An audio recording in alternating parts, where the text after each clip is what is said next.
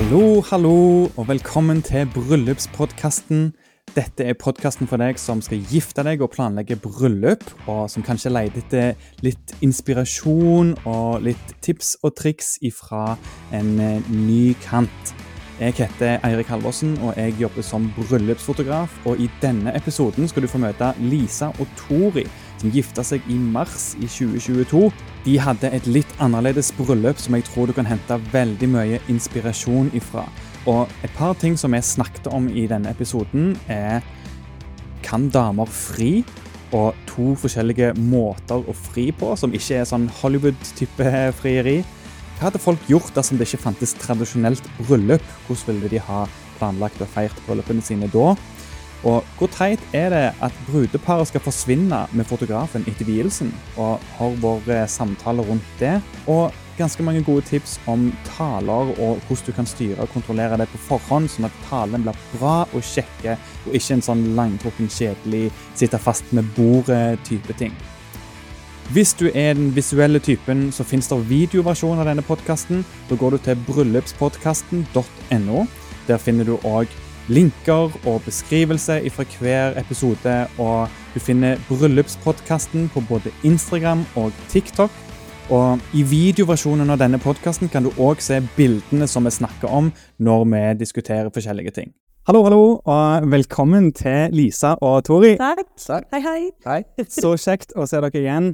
Um, nå er det litt over et halvt år siden bryllupet, ikke sant? Tre hvert år. Ja, Ja, nærmer seg eh, det, ja. Mm. Ja. Så bare for å hoppe rett i det. Eh, fortell om frieriet deres. må jeg gjøre det? Føler nesten du må gjøre det, siden det var du som gjorde det. ja, det var jo jeg som fridde på skuddårsdagen. Um, og det var veldig lite Hollywood over det hele. Ja, jeg forsto vel egentlig ikke at du hadde fridd. Nei, for eh, Tori forsto det når jeg begynte å grine. Så var han litt sånn Å ja, er det et frieri? Ja. ja. Det var veldig sånn tilfeldig. Eller Ja. sånn Det som var at det, forrige gang det var skuddår, så hadde jeg tenkt sånn Å, neste gang det er skuddår, hvis ikke vi har forlovelse ennå, så kan jo jeg bare fri. Og så er det jo sånn at hvis han sier nei, så er han, skylder han meg tolv par hansker. Så jeg tenkte det er jo vinn-vinn. Tolv par hansker. Ja, det er det som er greia tydeligvis på skuddårsdagen, at da kan damer fri. Eller de kan jo selvfølgelig fri hva tid som helst. Men det er greia, da. Men ja, så hvis mannen da sier nei, så skylder han tolv par hansker. Fordi at hun eh, skal kunne skjule hver måned i løpet av året at hun ikke er forlova, at hun ikke har forlovelsesring. Ah, Ja. Ja. Okay. Ja. Men eh, heldigvis så sa du ja, da. Det var bare, altså Jeg bare spurte, liksom. Helt sånn. Jeg gikk og venta på at eh, en klesvask skulle bli ferdig. Du vet når det står liksom at det er ett minutt igjen, og så varer det ene minuttet i sånn ti minutter. Så bare gikk jeg og venta. Så tenkte jeg sånn, ok, nå er snart skuddårsdagen ferdig, for det var sånn seint på kvelden. Ja. Så bare spurte jeg, og så sa du ja. ja. Og så var det jo ikke noe ring og sånt. Men Ingenting. Nei. Men du printa jo Tor har 3D-printer, så han printa en ring til meg. I plastikk, da. Ja. ja. Så knakk. Så knakk mange ganger. Så Men uh, ja. nå har du en skikkelig ring. Ja. Ja. Det har jeg. Ja. Mm. Nei, spesielt, men Ja. veldig gøy. ja. Og så hadde vi jo egentlig tenkt at liksom, ok, når vi forlover oss, så er det for å på en måte si ok, da skal vi gifte oss eh, innen et år, eller noe. Men eh, så var det jo korona, så det var jo det som gjorde at det tok Vi var vel forlova i to år, var vi ikke det? Jo, Jo. De, dette var jo da i slutten av februar, Ja. av og så 12. mars stengte den ned. Mm. Ja. Og så ble bryllupsdagen òg da 12. mars. To år etterpå. Ja, stemmer det. Så var dette noe som eh, Hadde du planlagt å fri Lisa i fire år, egentlig? Em, det var ikke sånn at det var Det var, det var ikke noe at jeg, jeg hadde gått rundt og, tenkt på, men vi har liksom snakket mye om hvordan vi ville gjort vårt bryllup og sånn. Og hvis vi har vært i andre bryllup, og vi har liksom vært veldig åpne om at vi har lyst å gifte oss, um, så var det vel egentlig litt sånn Nå er skuddårsdagen her, shit, jeg bare gjør det. For det er jo ikke vits i ikke å gjøre det, på en måte. Jeg vet jo at jeg vil, og ja. Så jeg, jeg, det kan jo være at hvis jeg hadde planlagt det, at det hadde vært litt annerledes. Men samtidig så er det jo Jeg tror ikke det hadde Eller det var veldig oss, da, å bare gjøre det på den måten. Ja. Ja. Men jeg føler jo òg at du gjorde det vanskelig for meg å gjøre det. Gjorde det? Ja, for du hadde et sånn Når vi forlover oss, så skal vi gifte oss innen et år. Ja. Og da er det sånn OK, hvis jeg frir nå, Så skal vi gifte oss. skal vi gifte oss innen et år. Og så er det liksom prøve å planlegge det med ferier og, Mm. og spare penger til ja, et bryllup og alt sånt. Men Men det er jo derfor du må du bare gjøre det. For du kan aldri tenke at å ja, det passer seg å forlove seg om et halvt år, for da kan vi gifte oss om ett. Altså, du må jo på en måte bare Ja. gjøre det, tenker jeg. selv om du hadde veldig lyst innen et år, så ble det to år Ja. pga. Ja. ting. Så. Ja. ja. Så Lisa, du føler deg ikke frarøva fra et sånt romantisk frieri hvor Tori gikk ned på kne og liksom Hele den Med, pakken? med duer og sånn. ja. Nei, ikke i det hele tatt. Det, Det er sikkert jeg som føler meg mest frarøva fra liksom at du ikke fikk gjøre det? at jeg ikke fikk gjøre det. Ja. Ja, jeg gjør ikke det. Men ja, Ja, jeg tenkte vel kanskje at du var litt mer letta, da, at vi slapp å gjøre det. ja, på en måte. ja. Ja. ja. Men jeg fikk jo liksom gjort eh, alt med ringen og sånn etterpå uansett, Ja. så det var kjekt. Ja. At uh, jeg fikk ja, gå og plukke opp. Ja, du gikk jo og kjøpte ring til meg etter du, Ja, ja, etter du printa den. Liksom. som knøtt. Ja. Ja, ja frieri var òg sånn anti-Hollywood, egentlig. Når eh, meg og Jessica traff hverandre, så bodde vi i en bitte, bitte liten leilighet bestått som et hotellrom i Stavanger. Og hun hadde sånn en halv komfyr som har to kokeplater og sånn, så det var akkurat plass til Jeg tror vi knark en hvitløksspagetti i to for å få den plass inni, eh, inni ovnen. Og så lagde vi alltid tomatsuppe. Og så hadde du ikke noen spisebord eller noe sånt, så vi satt alltid på gulvet og spiste tomatsuppe og hvitløksbagett, liksom. Så den gang hun hadde vært vekke med jobben, og hun kom hjem ganske seint, så hadde jeg lagd tomatsuppe og hvitløksbagett, og det var oh, jeg husker ikke hvor mange år etter vi traff hverandre, men jeg tror det gikk gjerne sju eller åtte år etter vi ble sånn offisielt sammen, til vi faktisk forlovte oss. da. Eh, så da hadde jeg stelt i stand det og spiste tomatsuppe og hvitløksbagett på gulvet. Så hadde jeg vært på Bjørklund og kjøpt en sånn 300 kroners ring som jeg hadde lagt oppi hennes tomatsuppe der, så når hun spiste, så plutselig så, fant hun forlovelsesringen. Det var jo litt koselig, men det var ikke sånn der en er skikkelig sånn stelt i stand og liksom Nei. er på fotballkamp og kameraet er på deg, liksom, og hele stadion står og følger med og Ja, sant. Det er jo veldig koselig, da. Men det er jo det som er så gøy, at Eller liksom, du kan jo gjøre akkurat hva du vil. Sant? Du trenger jo ikke Med mindre den andre parten har en sånn sinnssyk forventning, da. Men da regner jeg med at eh, Ja. du vet om det, på en måte. Men eh, vi har jo, altså mange, mange av vennene våre har jo forlova seg på sånn Ja, veldig sånn Hollywood-aktige måter. Med sånn store overraskelser og Ja. mye bobler og folk til stede og, og sånn og sånn. Men det er jo bare alt til sin Eller alle har hver smak, da. ja. Jeg satte veldig pris på at det var hjemme i trygge omgivelser. Ja. Fornøyd med det. ja. Ja, absolutt. Og det ligger vel veldig mye forventninger rundt det. Altså, meg og Jessica hadde vært sammen i ganske mange år før vi ble forlova, og vi var eh, Altså, hun er amerikansk og har amerikansk familie, så en sommer når vi var i USA og besøkte familien, så skulle det være sånn ganske stort familietreff med liksom alle tanter, og onkler og besteforeldre og sånt. Og det var altså året før med forlovelse, og da lå forventningene på meg. sant? Å, Eirik kommer til å fri, sant? for nå er de på ferie, de er med familien i USA, og liksom alle forventa at jeg kom til å fri. sant? Og da skulle jeg iallfall ikke gjøre det. Nei, Nei, For jeg, jeg ville jo gjøre det på min egen måte, og noe som var litt personlig og betydde noe for oss, ikke fordi at liksom, resten av familien forventa at jeg skulle fri. da. Hadde dere noe sånn fra deres familie at dere følte det lå en forventning om liksom, å gifte dere? Nei, jeg tror Nei, ikke jeg. ikke. Nei. Nei. På ingen måte, egentlig. Ingen. Men jeg tror nok at alle på en måte Det var ingen som ble Sjokkert? sjokkert Nei, når vi sa at vi skulle det, liksom. Men, eh, men vi er veldig liksom avslappa. Vi har ikke noe hastverk eh, på noe som helst vis med ting. Så jeg tror ikke at folk på en måte De gidder ikke å spørre engang. Mm. Eh, ja, Ja. vi tar, tar det ganske rolig. i Eller du nevnte, Lisa, at eh, dere hadde vært i noen andre sine bryllup. Har dere Ja. vært gjester i andre sine bryllup, eller mange bryllup, før dere begynte å planlegge deres eget bryllup? Oh. Um, ja, vi var jo i Eller ikke så veldig mange. Vi var i broren min sitt. Jesse. Ja. Sara Christian. Ja. Ja.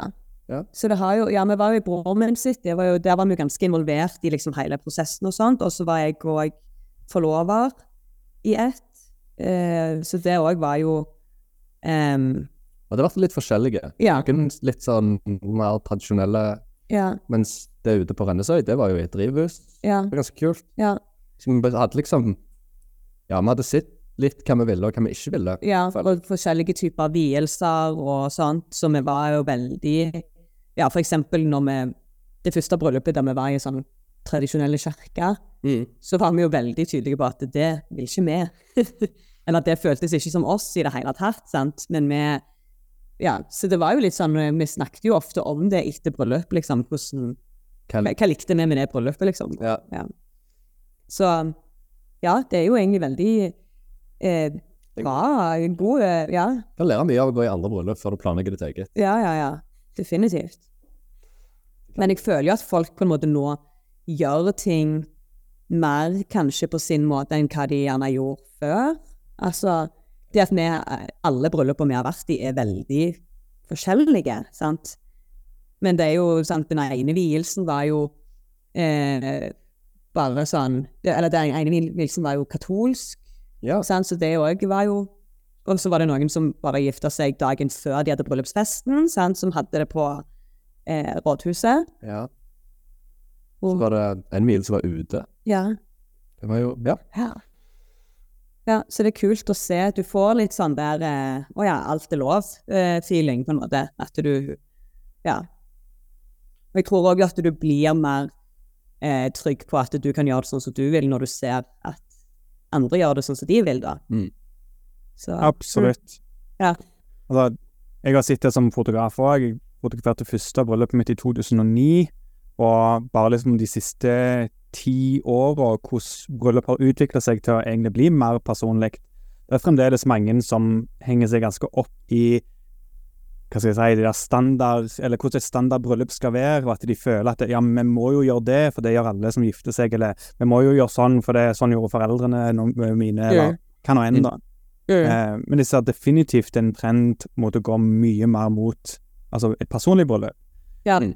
Jeg pleier å si til alle som tar kontakt med meg om å fotografere bryllupene deres, at det eneste som du faktisk må gjøre på bryllupet, det er å si ja. ja. Ja. Og utenom det, så kan du på en måte gjøre det om til hva du vil. Mm. Ja, sånn, jeg tenker liksom, hvis det ikke var noen sånne der eh, regler, eller no, ingenting som var normalen, hvordan ville folk ha gjort det? Sant? Folk hadde jo ikke gjort det på den måten. Det er ingen som går rundt og tenker, å, det er så sykt meg, hvis de ikke på en måte... Du tenker på sånn supertradisjonelt. Ja, altså alt det du, det, det du gjør bare fordi at det, du tenker at det er sånn et bryllup skal være da. Men hvis det ikke fantes eh, liksom en standard for bryllup, hvordan hadde du gjort det da, hvis du bare skulle feire forholdet til hverandre, sant? Det hadde vært, kommet ganske mye kult eh, ut av det. Ja, vi fikk jo et tips fra deg. Jeg husker vi, vi sleit litt sånn med rekkefølgen på ting, og hvordan vi skulle gjøre det. Altså dette her med ehm, Etter vielsen så er det middag, og så var det dette med å åpne dansegulvet, og så skulle du ha noen kakegreier på kvelden, og litt sånn. Så sa du uh, Ja, ta bryllupskaka. og ta bryllupskaka bare rett etter vielsen, før middagen. Og det var et dødsbra tips. Ja, og det har man kommentert òg, at det var jo helt perfekt. liksom, Å stå og mingle, spise kake og drikke boble, det var jo helt eh, topp, liksom. Ja. Ja.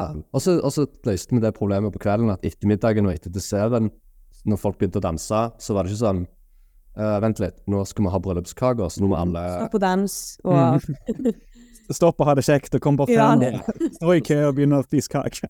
ja. se på oss når vi ser opp. Ja. Nei, det var uh... Men ja, for det er et godt poeng, for det, akkurat det er en sånn typisk ting som du bare Du tenker ikke at du kan gjøre det på en annen måte engang. Det er bare sånn, ja, selvfølgelig, og så må vi ha kake, og den må komme da, sant. Men du kan jo komme hva tid som helst. Selvfølgelig. Du Mm. kan jo det. Ja. ja.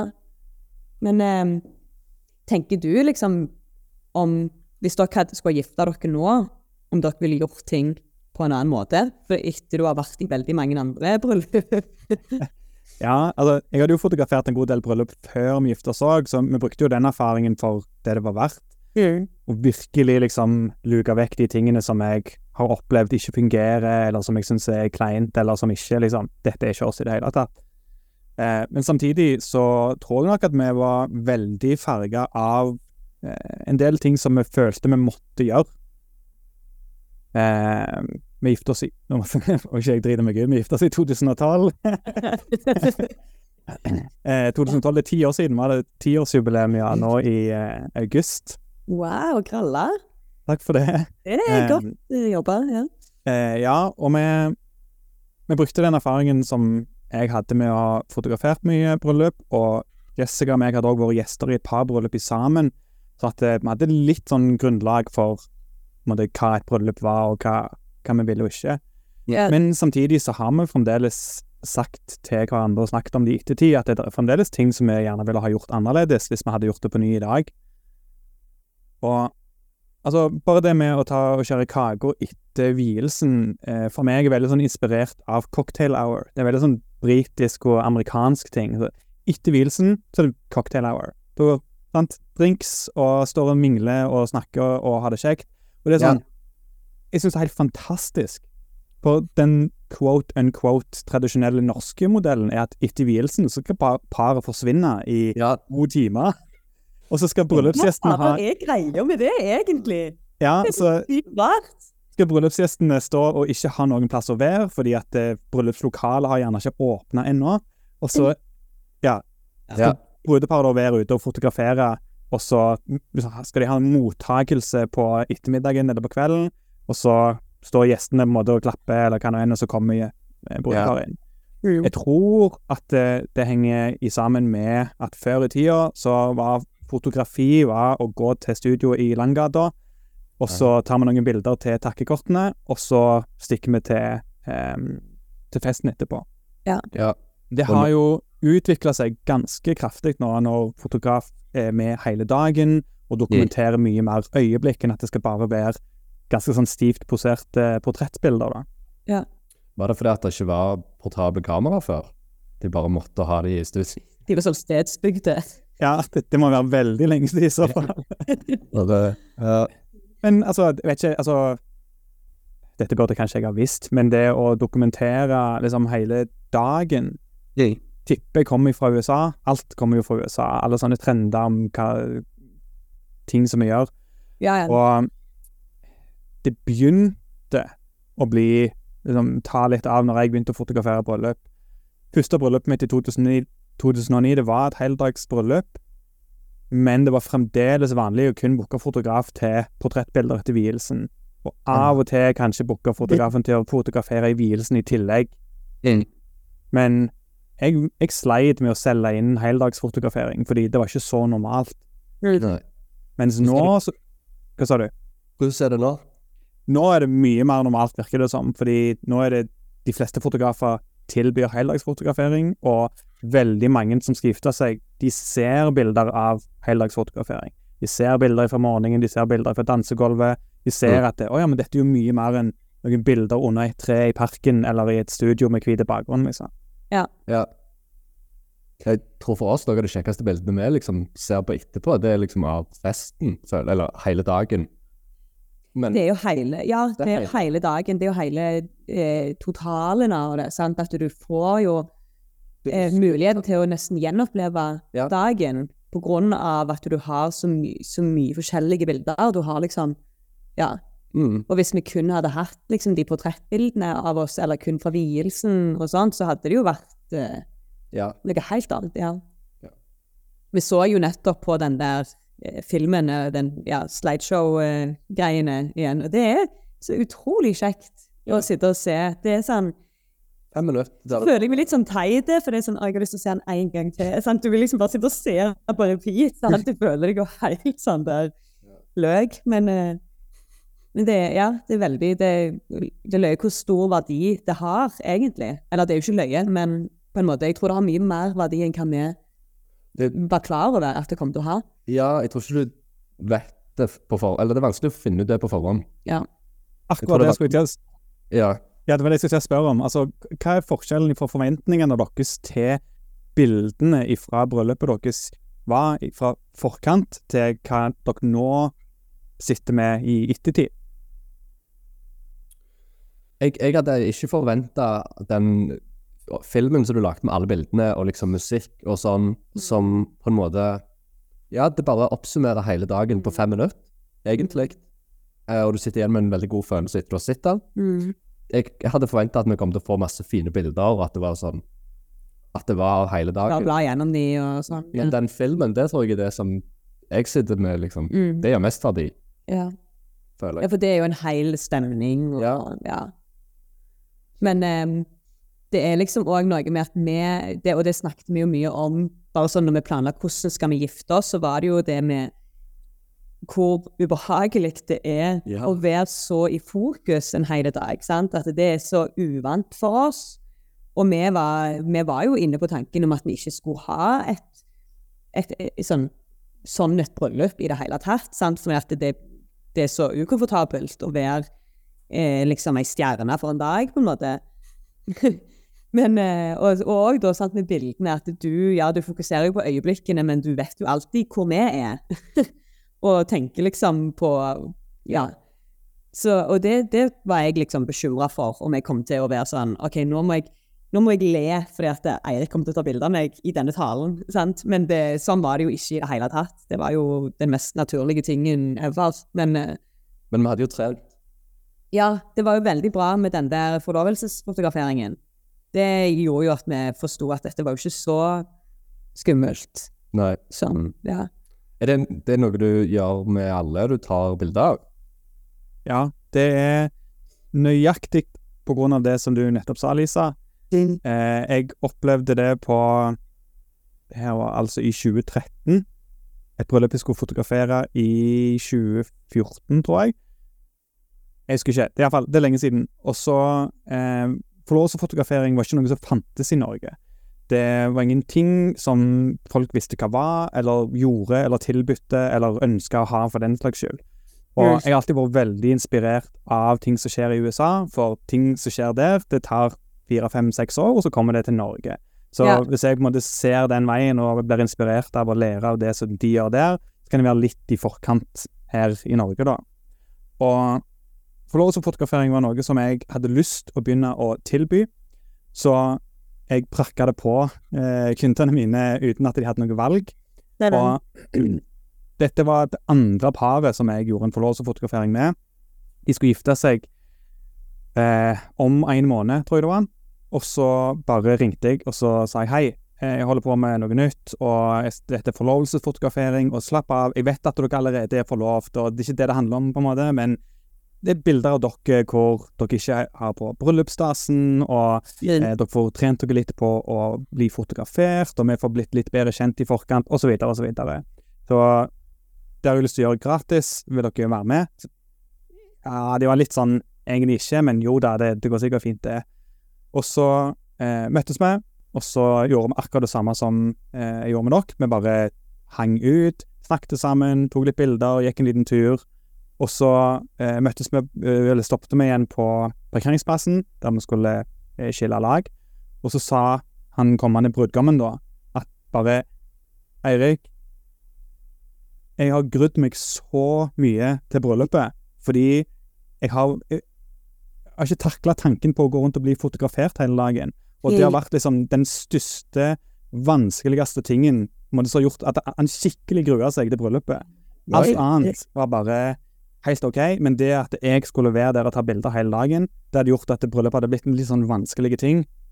Men etter den opplevelsen nå, disse to timene når vi har gått rundt og fotografert, så jeg syns faktisk det var kjekt. Mm. Nå, Ja. Og nå gleder jeg meg til bryllupet. Kult. Ja, Og, veldig og Ja. da fikk jeg en sånn en Shit, liksom. Eh, Mm. jeg har superpowers, på faen. eh, bare med å egentlig vise hvordan det er å bli fotografert, og vise at jeg er et menneske, jeg er ikke en fotograf, jeg er liksom, jeg er Eirik, og liksom, jeg er ikke farlig. Så kunne han roe seg helt ned og faktisk eh, klare å glede seg til bryllupet igjen. Mm. Og Ja. da forstår jeg forlovelsesfotografering er powerful stuff. Ja. Uten tvil. Jeg tror jeg hadde litt sånn samme for Jeg ikke grua meg, men det var jo noe som var der. Mm. Jeg synes husker jeg sa noe sånn til deg etterpå at liksom OK, nå er det good. Nå Ja, det kan stemme, det. Ja, jeg husker også at du var veldig glad for at vi fikk Fikk øve oss litt. Og, ja. Jeg synes det var superkleint i starten, når vi begynte. Men Panne mot tinning. Ja. panne mot tinning Vi, vi, vi, vi spøker jo ennå om det, liksom. Ja. Bare gjør det, eller sier det til hverandre. Det er blitt Ja, Sier ikke til ting. Ja. ja. Ja. Nei, men det er jo, det er jo liksom det, fordi at det, Selvfølgelig, noen elsker jo sikkert å være midtpunktet en hel dag og sånt, men jeg, det hører jeg jo at andre folk òg sier, at de Nei, jeg kunne aldri hatt et sånt et bryllup, for jeg vil ikke ha så mye fokus på meg. Men det er jo ikke derfor du gjør det. Du gjør det jo for å Når samler du alle vennene dine og familiene til begge på den måten der? Det er jo bare én gang i livet du gjør det. Og jeg tenker jo nå at jeg har lyst til at vi skal gjøre noe sånn, når man har vært gift i ti år eller noe, og ha en sånn der Reunion. Ja, sånn som de gjør det i USA, da. Fornye løftene eller et eller annet sånt. Bare fordi det er så kræla kjekk fest. Ja. Mm. Ja, fortell litt om hva var fokuset deres, eller liksom, motivet rundt hvordan dere ville at bryllupet deres skulle være. Så når dere var i planleggingsfasen og tenkte nå skal vi planlegge bryllup, hvordan ville dere at det skulle være? Hva var det dere tenkte på å la til grunn for i forkant? Det var vel egentlig med en gyllen mulighet til å ha en fest Ja, for alle. og det å kunne bare blæste så mye penger på en fest, og at det er greit, liksom. Ja, jeg, Det følte jeg litt at eh, det var sånn ja. Alt er lov, sant, fordi at det er bryllupet vårt, liksom. Da kan vi Ja. men ja, det var samla venner og familie og ha en fest. ja. Uh, ja. Og vi ville jo at alle skulle ha det gøy. Eh, og det er noe av det som var mest utfordrende med hele planleggingen, det var jo bordplasseringen. Fordi at eh, vi hadde jo eh, masse runde bord. Ja. Jeg vet ikke hvor mange, ni bord eller noe sånt. ja, ni bord. Eller tolv, ja. I hvert fall. Og så ville vi at hvert eneste bord skulle føle at de satt på det kjekke bordet. Fordi vi har jo vært i bryllup før der vi føler sånn ok, dette er det kjekke bordet, eller så ser du liksom å, der er det kjekke bordet, og vi sitter på det kjedelige bordet. sant? Og det er jo Noen er jo sånn at de plasserer gjester med folk de aldri har truffet før, fordi de tenker at ja, nå skal folk bli venner og sånn. Men vi var liksom opptatt av at alle skulle føle at det, dette her er liksom kongebordet, her vi sitter da. Og det håper jeg jo at vi fikk til. Det virker jo som at folk hadde det Ja, vi har ikke spurt da. Nei, men eh, alle Eller jeg vet, ikke hva de hadde sagt uansett. Alle sier jo at det var kjekt. Men eh, Ja. Ja, vi var veldig opptatt av det, da. At folk skulle på en måte Det var ikke det Ja, du skulle ikke på en måte få nye venner den kvelden. Nei, nei, nei. Det var ikke det som var nei. Det var Men så var det jo òg, sant, etter to år med korona, sant, så folk var bare så grævla klar for en fest òg. Ja. Og vi hadde jo et nachspiel. Og altså, folk som aldri er med på nachspiel, var med på det nachspielet. Og det bare elsker jeg. Altså, meg og Tori vi er jo alltid de siste som går hjem. Og, så det var jo ikke, det var ikke noen Ja, det var jo ikke rart at vi var det nå òg, men eh, det at folk som bare vanligvis går hjem sånn klokka tolv, var med på nachspiel, det syns jeg var Ja. Ja, det betydde mye. Men ja, det var det. Vi, vi tenkte vi skal ha en Fest. en, en fest. Og så er det kult at vi kan eh, gifte oss i tillegg. Ja. Eh, og bare fra mi, eh, eller mitt perspektiv, da, jeg observerte jo bare og fotograferte, og det så ut som alle hadde det skikkelig kjekt. Og, eh, men samtidig så syns jeg òg at vi, i og med at dere hadde den kakekuttingen etter vielsen med Det var iallfall en time, om ikke mer, eh, før folk satte seg til bords. Og så etter middagen og dessert og sånne ting òg, så er det jo ganske løst og ledig. eh, Både blanding av dansegulv og mingling og alt. Så jeg følte ikke at eh, deres bryllup på sånn hvor folk satt, satt fastlåst med bordet i fem timer, og så kom de seg ikke av gårde, liksom. Nei. Nei, jeg tror Der fikk vi et tips fra deg med talene. Ja, det? At kun tre minutter. kun tre minutter. Si det til de som skal holde tale. Og så var det far din, han sa vel nei, nei, jeg, jeg bruker mer. Ja. Men da var det Ja, de fleste andre, de, de hadde korte og effektive taler som gjorde at du slapp den der Og jeg sitter bare og venter på å kunne gå på do, eller jeg må ha noe mer å drikke, eller når er det neste Ja, når kommer desserten? Det var litt sånn Jeg følte iallfall. Det kan jo være andre følelser at jeg gikk seint, men Nei, men det var jo ikke mange taler. Nei, det var så ikke. Mange, så det var kun far min egentlig som hadde litt sånn Ja, og det var Ja. ikke lang i den eller? Nei, den var jo veldig fin, da. Men det hadde vært et godt tips. Bare Mm. Hvis du ikke vil sitte liksom seks timer og høre på tale, så gi beskjed til folk på forhånd at ja, hold det kort og planlegg talen din. Ikke ta noe sånn på sparket, for det er og har vi sett i andre bryllup at det Ja, kan dra litt ut. noen har drukket litt mye og plutselig finner ut at de skal ha en tale. Ja. Den blir veldig bra. Jeg, bare, jeg må bare si noen ord. Ja. Ja, vet du, altså I bryllupet til broren min så var det jo ei som reiste seg etter flere runder med vin. da, Så reiste hun seg og så sier hun sånn 'Jeg vet ikke helt hva jeg skal si.' Og jeg bare tenkte 'Hvorfor reiser du deg da?' Bare helt spontant, hvis du ikke engang vet hva du skal si. Ja.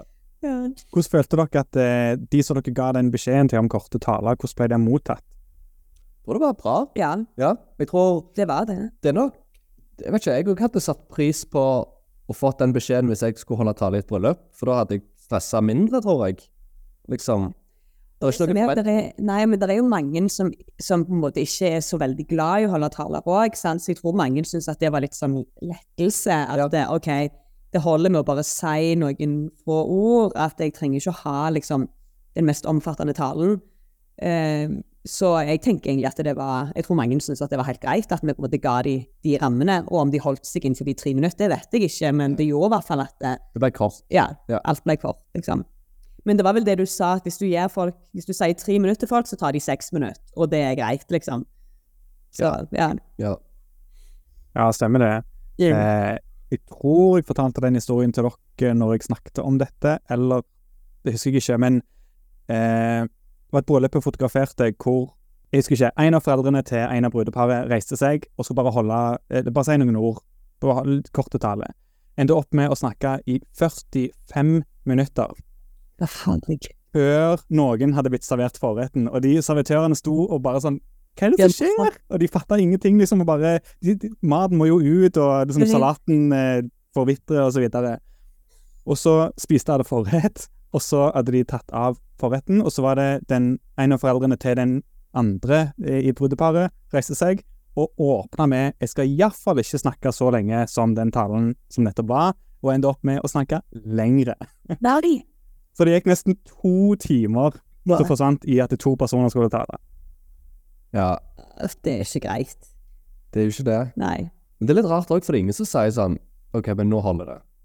Nei, men hvem skal gjøre det? Nei. Eller det må jo egentlig toastmasteren gjøre, da, men Ja, samtidig, det er liksom Foreldrene til brudeparet er jo litt hellige, sant? Og det å For all Ja. del, men jeg syns at alt som handler om oppvekst, altså fødsel, oppvekst og fam eh, familieferier og sånt når de var små, det hører til i konfirmasjonstalen. Og så Ja. i bryllupstalen så bør det heller handle om altså, Nå er de voksne, de har funnet Ja. hverandre. Hva Ja. betyr de for hverandre, og hva betyr de for, do, for deg som holder tale. At det, det er gjerne litt viktigere enn liksom Ja, jeg husker uh, når du skulle bli født, og vi kjørte i bilen på motorveien, vet du, og sant. Altså, Ja. jeg har opplevd sånne taler i bryllup, og det er helt sinnssykt. Ja.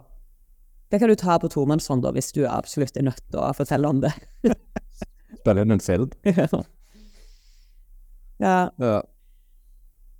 Nei, det, jeg, jeg er ganske fornøyd egentlig med hvordan det ble. Vi var jo litt eh, Eller vi var ikke bekymra, men vi, vi, vi har reagert på det når vi har vært i andre bryllup. At, eh, ja. Og hvis talene blir så de blir så superinterne at ingen forstår hva, hva, man, ja. hva de snakker om engang. Eh, og det er jo sånn, det kan du i hvert fall ta på tomannshånd. Sånn husker du, og så ler du. Husker du det, altså? Ja, stemmer det. Husker du bilturen? Ja. Så nå i ettertid, er det noe som dere angrer på at dere gjorde i forbindelse med bryllupet?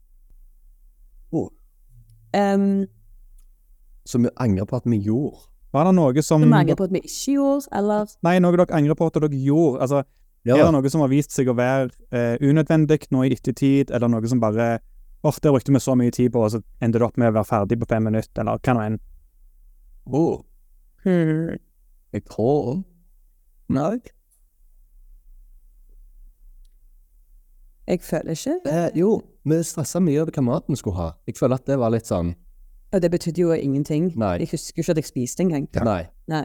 Men jeg tror nok gjestene kanskje satt mer At de tenkte mer på den cameo. Jeg vet ikke. Ja, vi var veldig sånn og vi vil ha noe som er liksom føles som oss, sant? At vi vil ikke ha noe sånn eh, lure turistheimmat, eller sant? ikke sånn husmannsmat. Og så ville vi ikke ha, ha for fancy, Og ikke buffé. ikke buffé. Vi ville jo egentlig bare ha sånn der eh, Ja, for vi, egentlig så ville vi jo ha bare ei, ei gryte med pasta på bordet, og at folk bare skulle ta og forsyne seg sjøl, litt sånn der homestyle-aktig. Eh, men det viste seg jo å være altfor At det var, hadde blitt altfor mye styr rundt bordet, og en liten plass til å kunne servere ting på bordet og sånt òg. så det ble jo en sånn løsning til forrett, da. Da var det jo Ja, da var det sånn eh, oliven og spekeskinke og så ost og litt sånne ting. Eh, men eh, ja. Men ja, egentlig at vi kunne bare Vi brukte mye tid og styrte med maten. Ja, vi gjorde det. Ja. Men jeg håper jo de andre satte pris på det, da. det var, jeg husker at det var godt, Ja. men jeg husker ikke sånn Men det er jo ikke det som betyr noe heller i bryllupet. Det viktigste er jo at du klarer å få i deg noe mat. Og ja. du bare ja, kommer deg videre, på en måte. Men eh, Ja. ja. ja, det var litt unødvendig, kanskje. Det var, Ja. Dere hadde bryllupet på FOMO, som er, er det et eh, sel- eh, hva heter det, cateringbyrå som jobber der, eller bestilte dere noe utenifra som kom og leverte maten? De leverer mat òg. Så det er den, de som jobber på FOMO, som ja, hadde maten.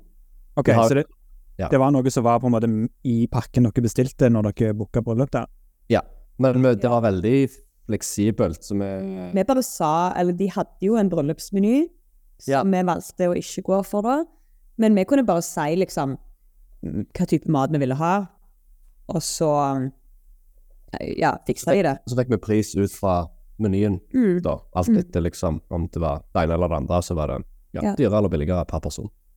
Ja. Mm. Så det var en grei ordning, det. Ja da, Mm. det var det. Så for å snu på det samme spørsmålet, er det noe dere angrer på at dere ikke gjorde? Eh, jeg angrer på at vi ikke inviterte enda mer folk. Ja. Eh, vi, var, vi prøvde jo å begrense det litt på grunn av at det Altså, jeg nå husker ikke jeg liksom hva per person kosta. Og det var 16 1600 eller noe sånt. Og så ville vi, vi ville liksom gi veldig mye. Sånn, vi ville at alle skulle få ganske mange drikkebonger og sånt. Og ja. Eh, og det gjorde jo at vi måtte begrense antallet. Men nå så er det ganske mange jeg skulle ønske at vi hadde invitert, som vi ikke Eller som vi måtte stryke, da. Ja. ja. Ja. Så egentlig bare det at jeg tenker sånn hvis vi skulle gifte oss på ny, så ville jeg bare invitert alle. ja, men eh, Ja, ja. ja, ja. det ville jeg ha gjort. ja. Jeg kommer ikke på noe annet. Nei. Og vi hadde jo eh, eh, Etter bryllupet Så vi bodde jo på hotell, eh, men så hadde vi ei uke på jobb etterpå, og så hadde vi ei uke med bryllupsreise Ja. etter ei uke, da.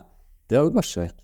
dritkjekt. Fordi at jeg følte at uka vi gifta oss, altså sant, uka før bryllupet, det var ikke så det var sånn å, dette er bryllupsuka vår, så nå får vi nå kan vi kose oss ekstra og jobbe litt korte dager, og ja, alt var bare sånn kos og gøy.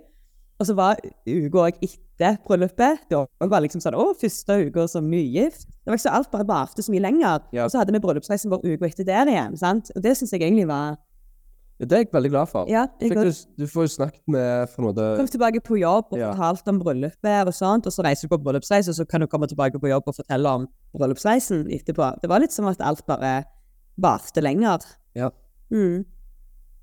Og så fikk jeg snakket med venner og sånn òg, som var i bryllupet. Fikk vi snakket med uker før vi på en måte stakk av gårde. Så det var liksom ferskt for alle. Ja. Og så, ja.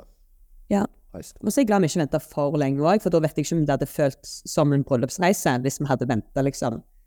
Noen reiser jo gjerne liksom et halvt år eller noe sånt seinere. Mm. Og Det kan jo være at det òg er helt topp, men jeg tror at for oss så var det Vi var liksom litt sånn i den bobla. Ja. Hvor dere var på bryllupsreise, og fortell litt om eh, rammen rundt det. Det var i London. Det var ikke så langt, eh, men det var veldig gøy. Vi skulle jo egentlig til London eh, den påsken, når det første koronaåret. Mm. Så det var litt det at vi på en måte allerede hadde tenkt oss. Og Tori har aldri vært i London. Og Eller nå har du? Men eh, så det var, vi har liksom bare snakket om at vi har veldig lyst til å dra der, og så eh, Og så er vi òg sånn Vi så jo litt på bare sånn Å, skal vi bare bo på ei sånn eh, romantiske hytte eh, uten TV? Eller eh, reise til Syden og bo på sånn der eh, spa-hotell, men det er på en måte ikke helt oss. Vi sånn, vi vil spise på eh, forskjellige restauranter og gå på barer og Ja. gå og se på street art og ja. Så det ble litt eh, mer sånn En, en tur som vi på en måte ville tatt uansett, da. Ja. Ja. Mm. Det var veldig gøy, da. Det var det. Mm.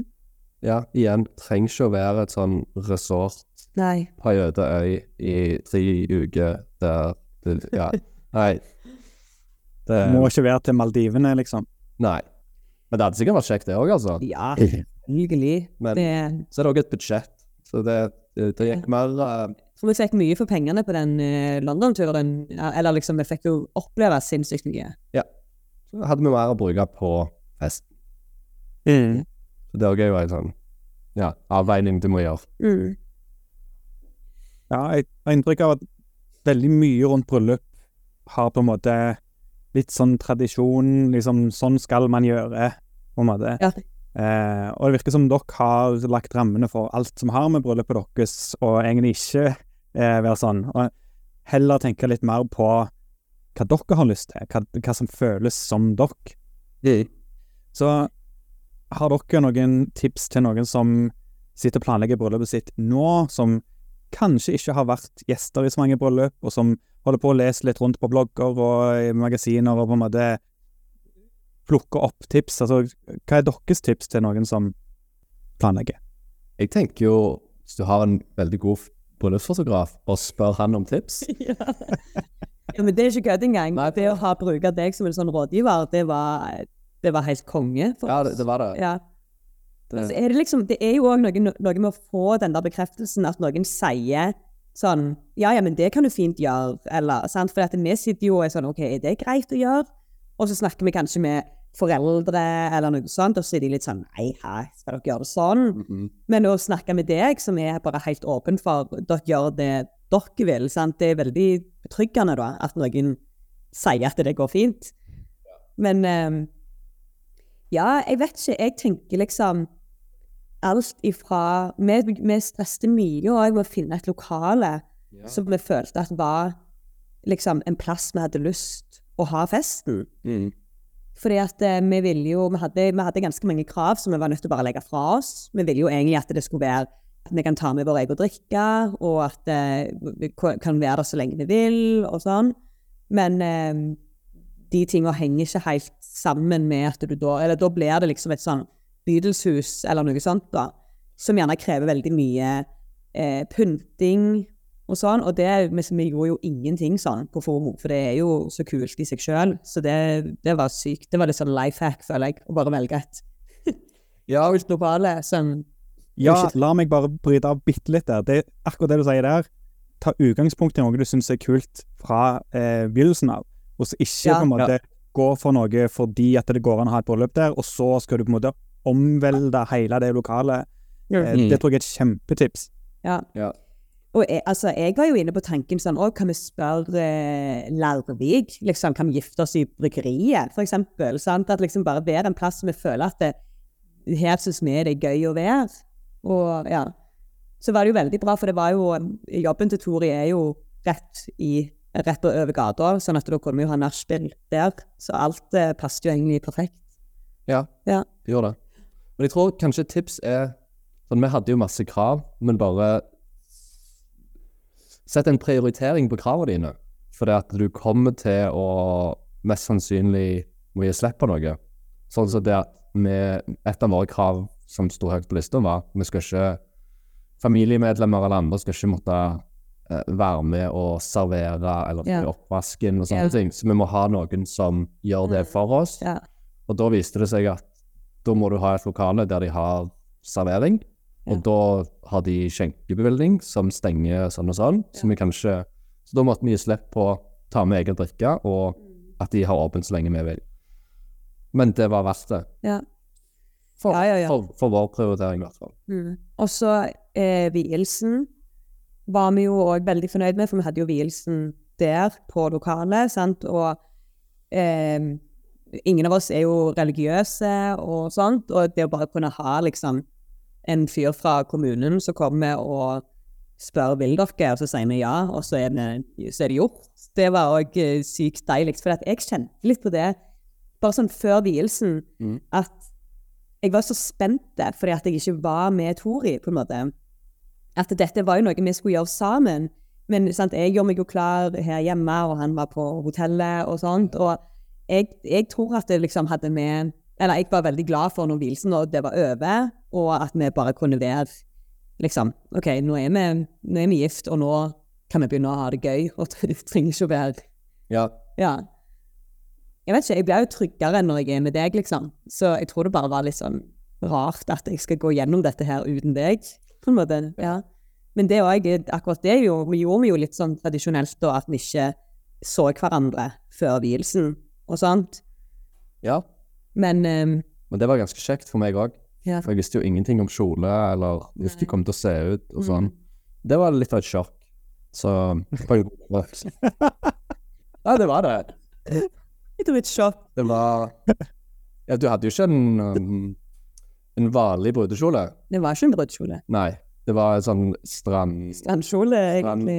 Paljettkjole. Ja. Ja, jeg eh, brukte jo mest penger på skoene, og det er jeg veldig glad for at jeg gjorde. For disse, de skoene kan jeg bruke eh, Ja. hele veien, men jeg, jeg, jeg det sitter lenger inn å bruke den kjolen på ny, for den har på en måte symboliserer noe annet, føler jeg. Mm. Men jeg kommer jo til å gjøre det, for dette, det er ingen som tenker at det er en brudekjole. Nei. Ja. Så det var noe som funka for oss. Ikke bruk mye penger på brudekjole, egentlig. Ja, eller herregud, gjør du det, men det som jeg tenker at er viktig, eller for meg, jeg synes ikke at det, jeg var jo prøvde vanlige, tradisjonelle brudekjoler, men det, jeg følte meg ikke fin i det, og det er jo det som, det, jo det, det handler om, at du skal føle deg som deg selv, og jeg ville ikke at det, Tori skulle gifte seg med meg og ikke klarte å kjenne meg igjen, sant? Og, og jeg brukte jo, jeg hadde jo ikke frisør eller noe som sminkte meg eller noe sånt, jeg måtte bare så ut som jeg alltid gjør, men i en dritrå kjole. Ja. Og med slør, da. Det hadde jeg jo. Det var jo litt gøy, for det var litt sånn Ja. Det er ikke noe jeg bruker til vanlig. Enda. Ennå. Det var sløret som fikk deg til å føle deg som brud, altså? Ja, på en måte. Jeg, jeg kjente det at når jeg jeg hadde funnet kjolen, så kjente jeg at jeg, jeg må ha noe sånn eh, som gjør at jeg føler meg ja, som en brud, da. Um, Men har du drømt om å liksom være sånn hvit brud? um, om Men ikke det er noe folk sier at de går om. Jo, jeg tror nok at mange eh, at for mange som er, det er viktig. Eh, men for meg så var det bare sånn Jeg har lyst til å bare se ut som en fest. jeg gjør du. Ja. Ja. Men, Ja. men det var veldig gøy å ha, å ha sløret. Det Ja. følte jeg at det var litt sånn som når du fyller året og du har krona, eller noe sånt. Sant? At du har på en måte en litt sånn Ja. Mm. Eller sånn i utdrikningslaget mitt òg, så hadde jeg noe som bare viste at jeg på en måte Det er min dag. Ja! Mm. Jeg syns det var Og så var det veldig gøy når jeg skulle gå eh, i dokø, og alle bare sånn Nei, nei, du trenger ikke stå i kø! Du bare går først i, i dokøen. Så tenkte jeg OK, Mm. nå snakker vi. I, i bryllupet? Ja, i bryllupet. Nei, i bryllupet. Ja. Det var, var gøy. Ja. Men jeg brant jo hull i sløret mitt med sigaren. sigaren. Men det er bra. Det er helt greit. Tenker det er et tegn på at det har vært en bra fest. Det er jo et veldig eh, interessant tips, egentlig, å ikke bruke penger på bryllupskjole. Men det er fremdeles Jeg har fotografert en del som ikke har en sånn stor, hvit, eh, ekstrem brudekjole. Og det virker som om hver brud som tar det valget, eh, trives veldig godt med det. Ja. Jeg tror det er jo, det er jo igjen, da, sant, hvis det ikke var hvis det, det ikke var forventning til at du skal gifte deg i en sånn en hvit kjole, er det det du hadde valgt? Liksom, er det det du føler deg Ja. finest i? Um, og for mange så er det nok det, men for meg, altså, jeg, jeg har ingenting som er hvitt. Jeg, eh, jeg, altså, jeg liker ikke hvitt. Så det å, da gifte seg i en farge som ikke er en farge engang, syns jeg at eh, for meg ble det helt unaturlig, liksom. Men så var jeg jo inne på tanken sånn OK, jeg hadde nok jeg hadde nok overraska mange med å gjort det. Sant? Så det òg hadde vært litt løye, og bare for å sjokkere. Ja. Men i bunn og grunn så er det sånn, det handler om å bare føle seg good, og ja. Og så tror jeg òg at vi har kommet der at jeg, altså alle Selvfølgelig, alle kom, gir komplimenter til bruden, um, men jeg husker Altså, var, var du med når vi var på Velvet i Sandnes? Ja. Ja. Så var det noen som jobber på en butikk i Sandnes, som hadde sett eh, Var venn med noen av, eh, av gjestene våre i bryllupet, da, som hadde sett bilder av oss på Instagram. sant? Så de bare 'Men dere gifta dere nettopp?' Og vi bare 'Ja'. «Å, så græla rå kjole, og det var så sykt kult at du gjorde det. Og det kjenner jeg at jeg syns er ganske gøy at folk Det virker som at folk blir litt sånn 'Å ja, er det lov?' Eller eh, 'Kunne jeg ha gjort det sånn?' Og, ja. Ja. Og jeg håper at eh, det på en måte kan inspirere folk da, til å ja, velge Gjør det du vil. Ja, gjør det du vil. Ja. Ja. Ja. Mm. Ja, altså når det kommer til kjole Jeg er jo mann, men jeg er bryllupsfotograf, så liksom, bryllupskjole er jo noe som jeg er borti ganske ofte.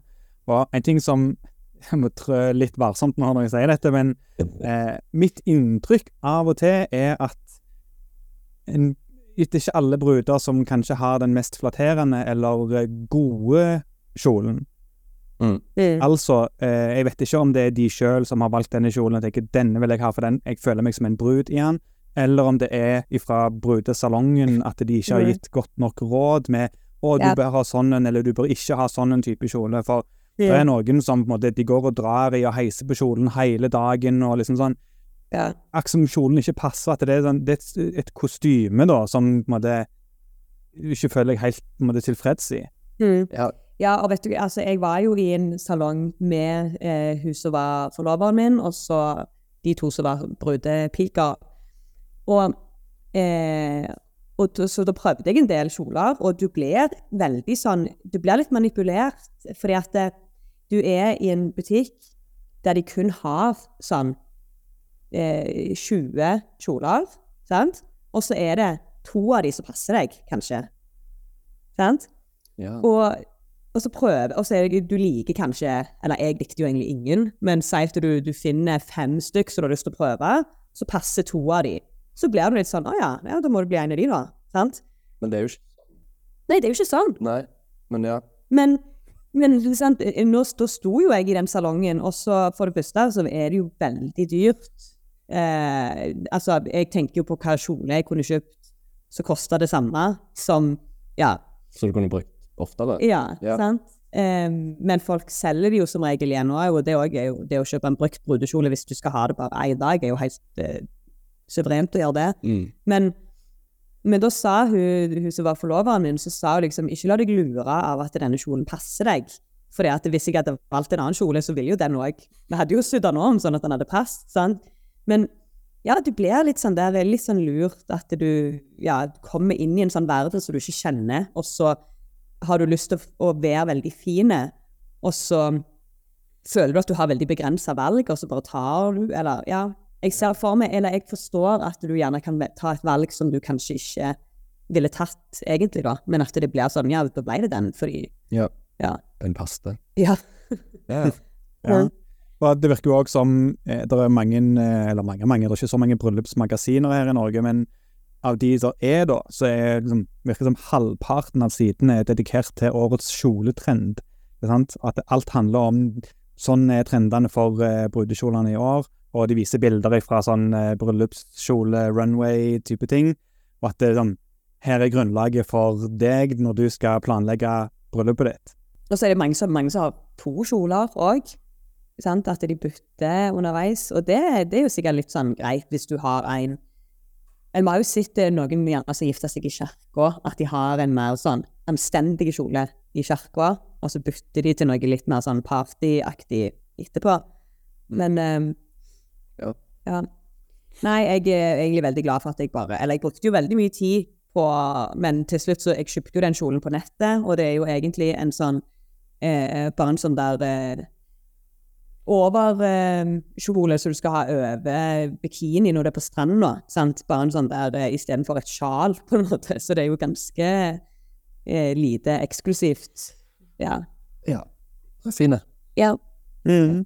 Mm. Og hva med deg, Tori, og dressvalget ditt? Altså, hva, hvordan var den prosessen når du tenkte sånn Nå skal jeg kjøpe meg en dress til å gifte meg i? Det var litt sånn Nå skal jeg ha en bryllupsdress, så nå må vi gjøre det skikkelig. Eh, tenkte jeg. Uh, så jeg tror det var du som foreslo at vi skulle gå til Made with Heart i Stavanger. Så jeg gikk der og fikk uh, Eller kjøpte uh, en skreddersydd dress. Um, og det var en veldig kjekk opplevelse, som jeg anbefaler. Det var um, Ja. En million forskjellige stoff. Altså, jeg hadde aldri klart å kjøpe denne dressen Jeg er veldig glad at Lisa var med og kunne Ja, ja. ta de valgene Ja. som Ja, når du må velge mellom tusen forskjellige knapper uh, og sånn, så er det greit å ha med noen som bare ja. kan gjøre det. Men det, det, var veldig kjekt. Og den passer jo ja, perfekt. Ja, og det er jo den dressen du gifter deg i, men det er jo ikke en bryllupsdress. Eller liksom, det er jo ikke en sånn, Du, kan jo, du bruker jo den på julebord og Brukte den i går. Ja. Ja. Så det er jo Ja, ja, det er sant. Han er ikke en sånn typisk bryllupsdress. Det var en dress jeg skulle kunne bruke etterpå. For det er jo mye penger å bruke på ett plagg du skal ha eh, ja, Ja. en gang. Så da Stoffet jeg endte opp med, er et sånn eh, Det er lagd for å reise mye på fly og sånn, så hvis du krøller dressen sammen, så er den liksom helt fin etterpå. Ja, den rynker seg ikke. Nei. Det er Nice. ganske Praktiske dress. good. Ja. Veldig mannete. Ja. Men det skal være et av kriteriene mine òg når jeg skal kjøpe bryllupsdress til meg sjøl, at det må være en dress jeg kan bruke i ettertid. Ja. Og det har blitt mer og mer normalt, det òg. Jeg føler for ti år siden så veldig mange eh, dresser å gifte seg i var sånn der med brokadevest og sånn kravat og gjerne litt sånn eh, eh, Hva heter det, smoking-inspirert med litt sånn snipp bak på jakken, liksom. Og, altså ting som skriker 'du er en brudgom', liksom. Ja. Ja da. Kan jo bruke den på sånn cocktailparty etterpå, da. Hvis det er sånn Ja. Ja, hvis du har eh, Hvis du er i sånne kretser. ja hvis det Ja. ja. Nei, men det var en god investering, det. Absolutt. Det Ja, Ja, det var det.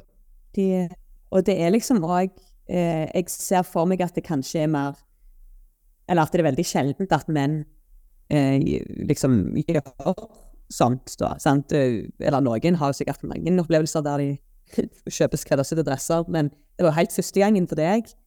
Og Ja. ja, det kan jo ikke sammenlignes med noe du Ja. Nei. Er jo, eh, det er jo, som sant, så det er jo litt sånn gøy opplevelse i tillegg òg, å gjøre det i forbindelse med bryllupet. Sant? At damene gjør jo ofte veldig mye, er på sånn frisørtimer og ja, øver seg med sminking og sånn og sånn, og at du på en måte får Ja. ja, en del av forberedelsene, på en måte. Mm. Ja, angående forberedelsene deres, hvordan, eh, hvordan tenkte dere når dere planla det? Altså, hva var eh, Hvordan ville dere at morgenen på bryllupssangen deres skulle være? Ja. Vi visste jo at Lisa skulle være her, og at jeg ikke skulle sove her, så da var Du sov jo her. Ja, det gjorde jeg jo. Ja, vi sov jo. Vi sov her. Du reiste jo her fra morgenen og sjekket inn på hotellet. stemmer. Sånn Ja. var det. Ja. Men at du skulle være her og gjøre deg klar, Ja, og så du skulle gjøre det klart på hotellet. Ja. Så jeg tok med meg noen kompiser, og så var vi og spiste frokost, lunsj, i Stavanger, og hadde noen øl før vi gikk og gjorde oss klar på hotellet, og tok taxi til, til Formo. Og du var her, og Ja, jeg var her med, med brudefølget mitt og eh, foreldrene mine. Og vi, ja, vi var liksom bare spiste frokost og gjorde oss klar. Og så kom pappa her og henta oss. Og ja, det var veldig Det, det kjente jeg jo at var med på å roe nervene mine litt, da. Sant? Det å bare kunne eh, ja, chille med venninnene og sånn. Men em, ja, det var veldig gøy òg. Det var det. Ja. Og så iallfall nå, for det, du møtte oss jo i Stavanger eh, og var med når vi gjorde oss klar der, og så var du òg her og tok bilder. Så vi har liksom ja. Begge deler. vi har begge deler, ja. Mm. Og at vi gjorde oss klar og har, har de minnene òg. Mm. ja. Men ja, eh, det er liksom Nå hadde jo vi Når var det vielsen vår begynte? Var det tre? Ja, sant? Så det var jo ikke veldig tidlig om morgenen eller noe sånt. Sant? Så vi hadde jo en morgen sammen eh, og pakket bagen og sånt. Og så eh, Ja. kom jo de og henta deg i en sånn kul bil. ja. Ja. Mm. Og så stakk du, og så eh, fikk jeg besøk. Så det var liksom egentlig Ja, du, du fikk liksom gjort litt, litt ut av For du, du var jo ikke heller hos frisør. Nei, nei. Var alt her Jeg var bare her og tok en strikk i håret. Jo, jo, men det, det var liksom ikke sånn å, jeg må stå opp klokka syv for å få gjort neglene. Nei, nei, nei. og Sånn. Det hadde du gjort. Dagen før Ja. hadde jeg gjort neglene. Men eh, ja, det var jo En chill morgen mm, for begge, Ja. føler jeg. ja. Mm. Og igjen noe som, som føltes Jeg tror det hadde vært veldig rart hvis jeg hadde hatt en frisør her som jeg liksom ikke kjente, eller ja. Hadde, hadde jeg hatt ei venninne her som var frisør eller eh, makeupartist, eller noe sånt, så hadde det vært mer naturlig at hun på en måte bidrog. Men det å, å, å få inn en sånn annen person Ja, jeg vet ikke. Jeg følte at det, nå vil jeg liksom ha de nærmeste her, og at alt bare skal være gøy og kos og ja. Ja. Mm, så lite unødvendig stress som mulig. mm. Ja, jeg tror det òg er et kjempetips, egentlig. Og, og spesielt det med å ikke ha så veldig tidlige vielser. Det er noen vielser som er i tolv-tida, tolv-ett-tida, og hvis du skal liksom, gjøre deg klar om morgenen, så må du gjerne begynne klokka sju, som jeg sier. Ja. Så blir det en ganske sånn liksom, Dagen er eh, fylt opp med program, da. At liksom du må gjøre alle bryllupstingene, på en måte. ja. Ja, og det var liksom Vi bare Vi, vi planla det jo ut ifra når tenker vi at vi skal ha middag, ja, og så bare Ja, OK, da må vielsen begynne sånn. da. Og så bare sendte jeg en mail til Sandnes kommune og sa hei, kan dere vie oss klokka da, og der og der? Og de bare ja.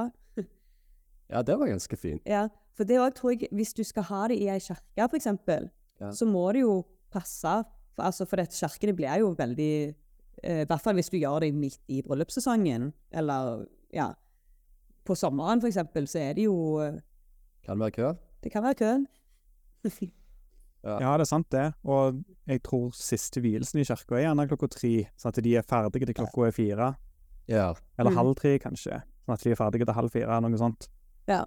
Ja, det òg. Jeg tror vielsen vår fikk vi kommentar på etterpå. Den raskeste vielsen mange hadde vært i. Det var Folk syntes det var helt eh, good. Jeg tror ikke det var mange minutter vi var der oppe.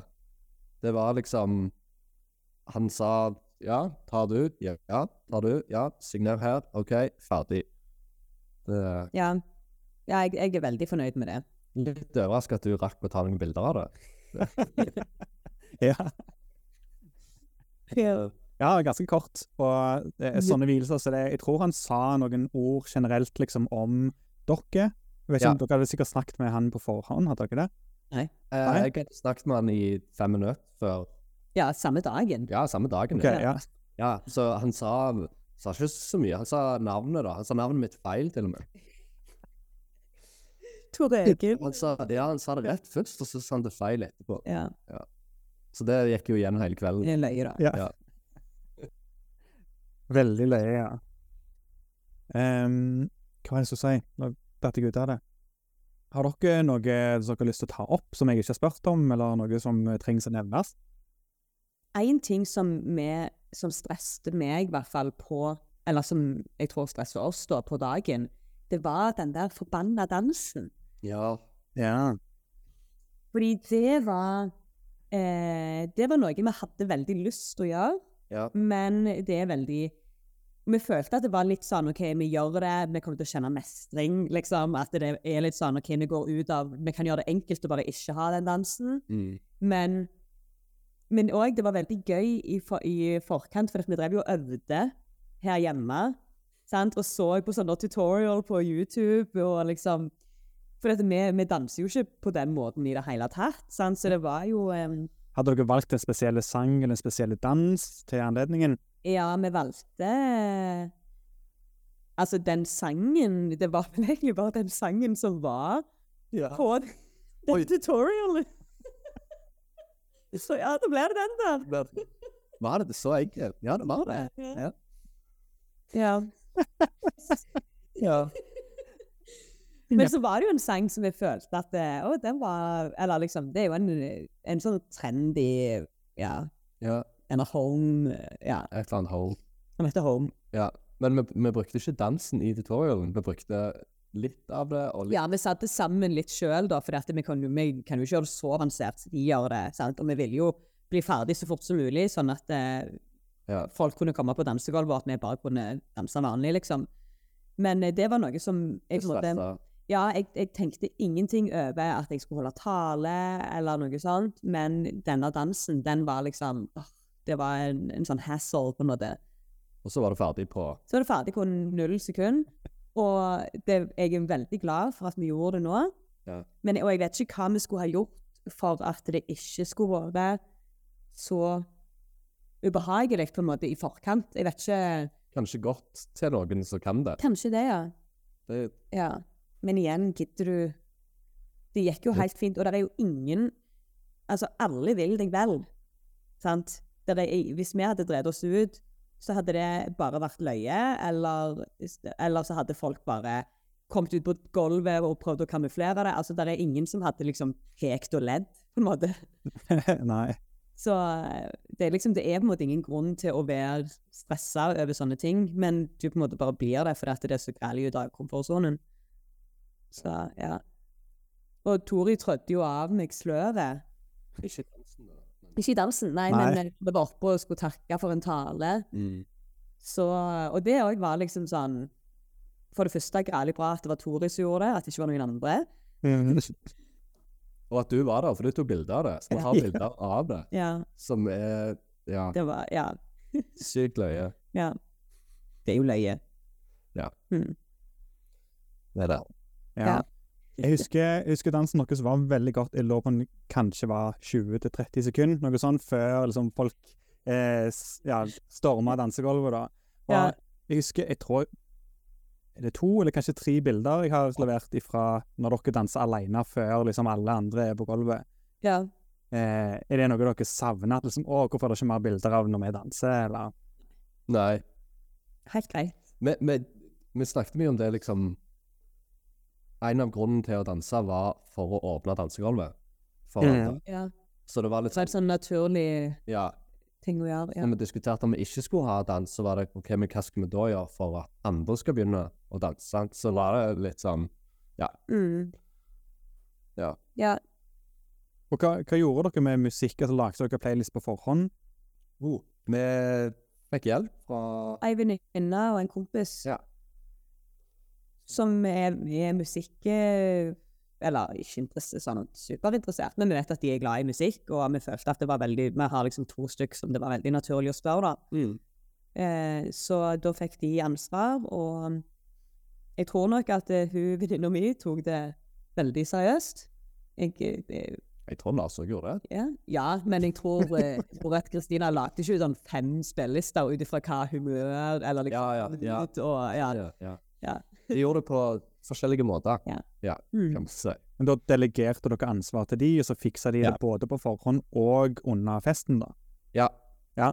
Vi Formo har jo lydanlegg, så det eneste vi gjorde Jeg hadde en ekstra telefon, uh, så vi hadde og brukte den. Ja. Ja, for vi ville vil ikke at det skulle være sånn at folk bare kunne koble seg til og Nei. gjøre ting sjøl. Vi var litt sånn OK, han må styre det. Ja. Og de spillelistene må de ha lagd på forhånd, sånn at det bare er helt uh, Good. Og så ville vi ikke ha noen sånn wifi-problemer. Derfor tok vi en telefon Mm. med med 4G. Ja. 4G. Så ja. Ja. Nei, de ordna det. Og pa eh, jeg tror Lars òg passet på hele kvelden at ingen bare kom og liksom Kjørte over. Ja. ja. Det tror jeg er kjempesmart. Jeg har vært i, Det er lenge siden nå, men jeg har vært i et par sånne bryllup hvor det blir sånn Spotify-fest. Hvor sånn, Ja. eh, du hører 20 sekunder av en sang, og så 'Å, vent litt, jeg skal bare sette på en', liksom. Så. Ja. ja. Men Så- det var altså, veldig god stemning på dansegulvet i bryllupet deres. Eh, ganske lenge òg. Er det noe som eh, dere håpte skulle skje, Er det noe som ja, Selvfølgelig skjer det i vår vennegjeng, eller Her må nesten du svare, for jeg var ikke der. Nei um, Ja, eller liksom det er, jo, det er jo gøy, men jeg føler ofte at når Hvis jeg sjøl er lenge på dansegulvet, at bare kvelden forsvinner. sant? At det, det blir sånn Å, jeg har bare danset i hele dag, og jeg har nesten ikke fått snakket med noen, og sånt. Um, men jeg kjente jo at jeg ble veldig glad av at folk danste, mens jeg ikke nødvendigvis trengte å være der hele veien, da. Em, men, eh, men ja, det er jo liksom altså, klart det ska, Ja, det skaper jo stemning. Det er liksom noe med hele viben med at det der er et uh, good dansegulv, liksom. Så det er jo Ja, det er jo egentlig viktig. Ja. Eller for, ja, for oss, for at vi ville at det skulle være uh, en bra fest. Og sant, vi, vi, når vi ser på de bildene fra dansegulvet, det er jo de løgneste bildene. Ja, er som er folk som bare liksom driter i alt. Mm. Og revner bukser og backflips og Ja, det, Ja. ja, det er ganske Det er da liksom festløvene kommer fram. Hvordan var det for deg å være på dansegulvet og ta disse bildene som vi har nå? For det er litt sånn, Når vi ser på bildene, så tenker hvordan, OK, hvordan gikk det an? Det, det er faktisk noe av det kjekkeste jeg syns med å fotografere bryllup. For det er som dere sier, det er da eh, den sanne jeg kommer ut hos folk, Mm. ikke sant? Du har eh, både én og to og tre enheter innabords, og det er gjerne en litt kule sang på, og så bare alle er og liksom pumper det opp på dansegulvet. Og altså Når jeg begynte å fotografere, så begynte jeg å fotografere konserter og band og sånn, så det er på en måte litt der jeg kommer fra. Så når jeg begynte å fotografere bryllup, så forsto jeg etter hvert at eh, hei, jeg kan jo egentlig kombinere litt med det som jeg eh, der kommer fra, da, med konsert og event-type ting. Da var alltid målet mitt å prøve å liksom fange den stemningen og energien som er på en konsert. Og det er Mm. litt det samme som skjer på et dansegulv òg. Det er bånn gass og god stemning. Også det med altså litt sånn foto- eller kameratriks da, med lang lukketid, og få liksom, lys til å bevege seg, så ser du i bildet at liksom, her er det mye som skjer, og her er det fart, for å si det sånn. Så jeg alltid på dansegulvet, og er ofte med å danse. Og så ser jeg inn i kamera og prøver liksom å komponere bilder, sånn at jeg ikke kutter av noen fingre når folk strekker ut hånda, liksom, og yeah, yeah, yeah, sant. Så jeg hele veien liksom vrir og beveger kameraet og sånn. Og min opplevelse er at når jeg er til stede på dansegulvet, når du da ser på bildene etterpå, så føles det ut som om du er der.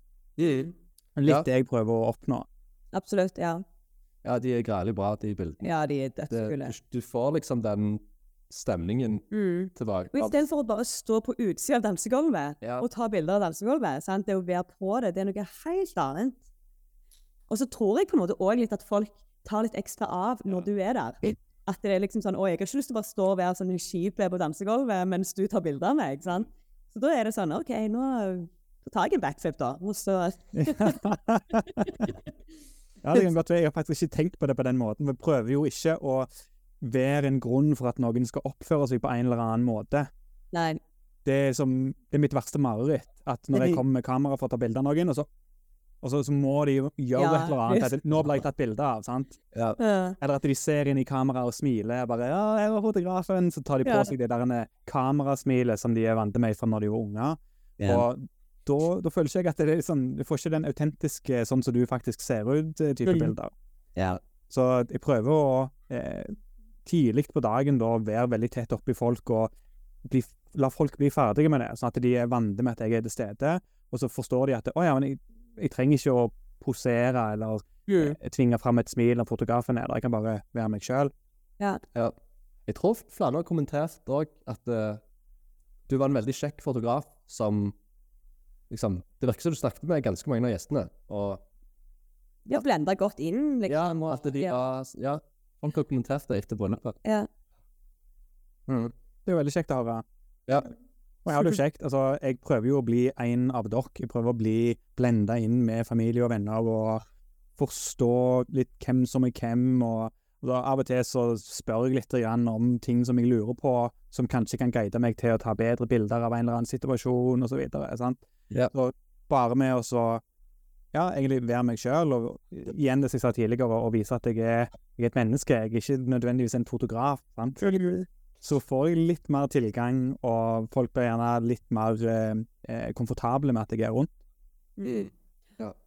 Ja, og jeg, jeg, eh, jeg føler jo det liksom, når vi ser på bildene, at det er, at du vet på en måte hvem, ja, hvem som er viktige for oss, virker det som. Ja. Og, um, og, og sånn, for eksempel bare det der med eh, Det var jo to stykker som hadde på seg helt like kjole, og så hadde de helt like hårsveis. Og det ble jo kommentert av toastmasteren. ja. Og så har du liksom tatt et bilde av dem når de sitter sammen. Sånn, sammen. Ser ut som de sitter med et speil, liksom. Det, ja. Og det er jo som som for oss, sånn, hvis du bare ser det bildet, så tenker du gjerne bare at de har like kjole, men for oss er jo det liksom Det er jo noe man har lyst til å huske, på en måte, for det var jo Ja. Ja. Det sånn, Begge to har vært på den samme butikken i Sandnes og kjøpt kjole liksom rett før bryllupet. Ja.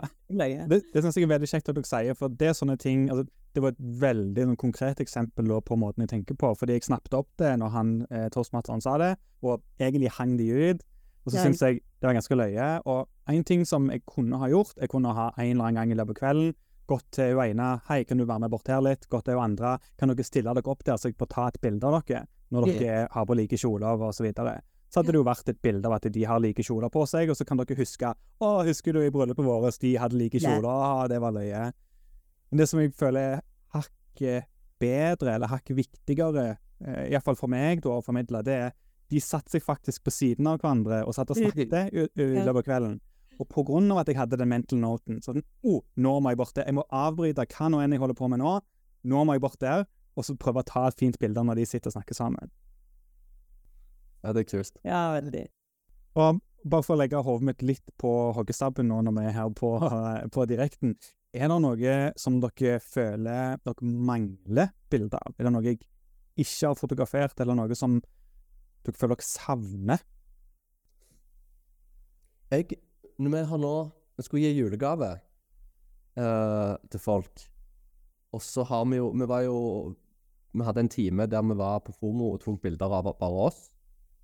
Eh, vi har ikke så mange bilder der vi ser i kamera, sånn typisk poserer. Ja. Og det er sånn uh, besteforeldre som vil ha bilder av oss på veggen. Det er jo sånn tradisjonelt. Uh. Ja. Så det Vi har noen, men vi har ikke så mye å velge i, egentlig. Nei, så det som vi gjorde Og det var typisk sånn besteforeldre som ikke var i bryllupet, sant, for grunn av det, altså, Reise og reise, ja, korona, ja. Eh, og da eh, vil de på en måte bare ha et sånn superstreit eh, bilde av oss. mm. Um, Så det var litt vanskelig å finne. ja, men med, med det som vi gjorde, at vi har jo tatt et av de der eh, familieportrettene, og så har vi bare kroppa vekk de alle, og så står vi bare der, liksom, med buketten og ja, Ja. smiler inn i kamera. Så det Jeg føler jo vi løste det bra. Men, ja, vi gjorde det. Ja. Det var Ja.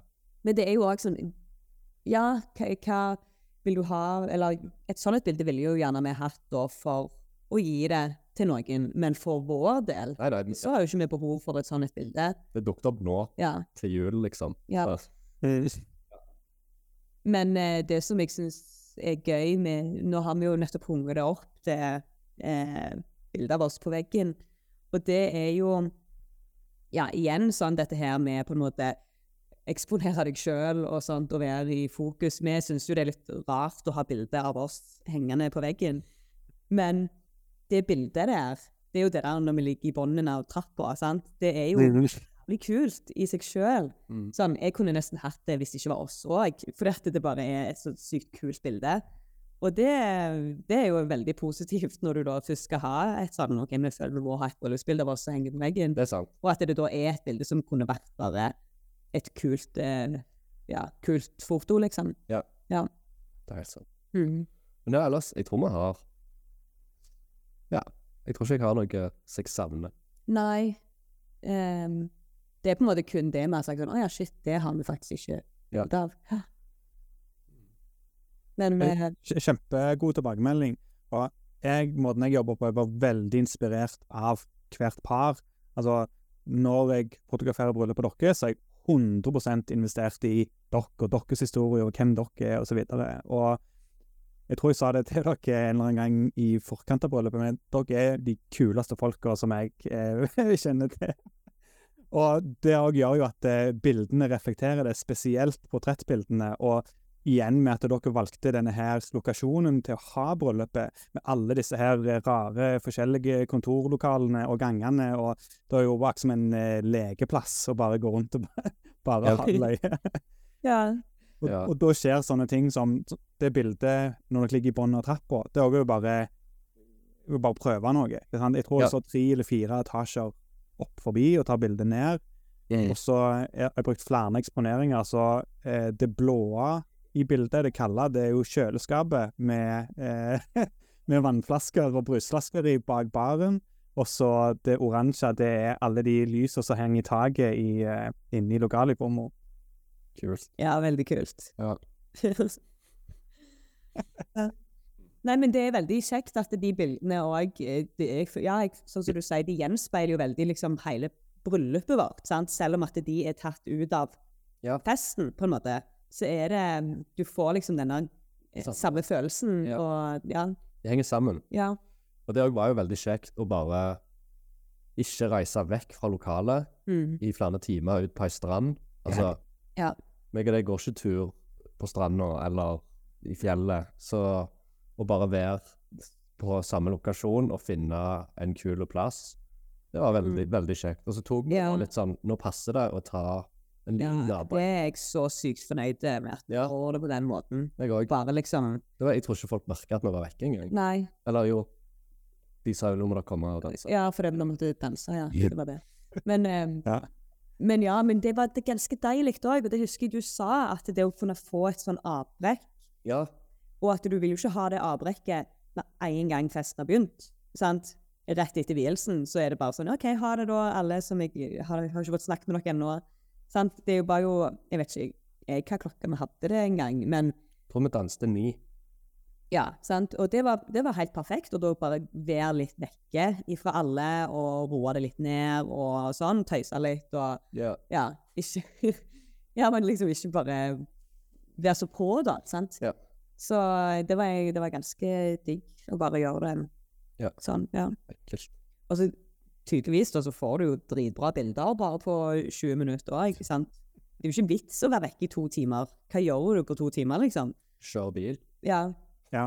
Jo, men det er helt sant. Det fordi at eh, en eller annen sånn eh, forhånds... Eh, eh, hva heter det? Innstilt lokasjon som du tror du skal ta bryllupsbilder i, blir en sånn viktig ting. Og så må du faktisk kjøre i et kvarter eller 20 minutter for å komme dertil. sant? Mm.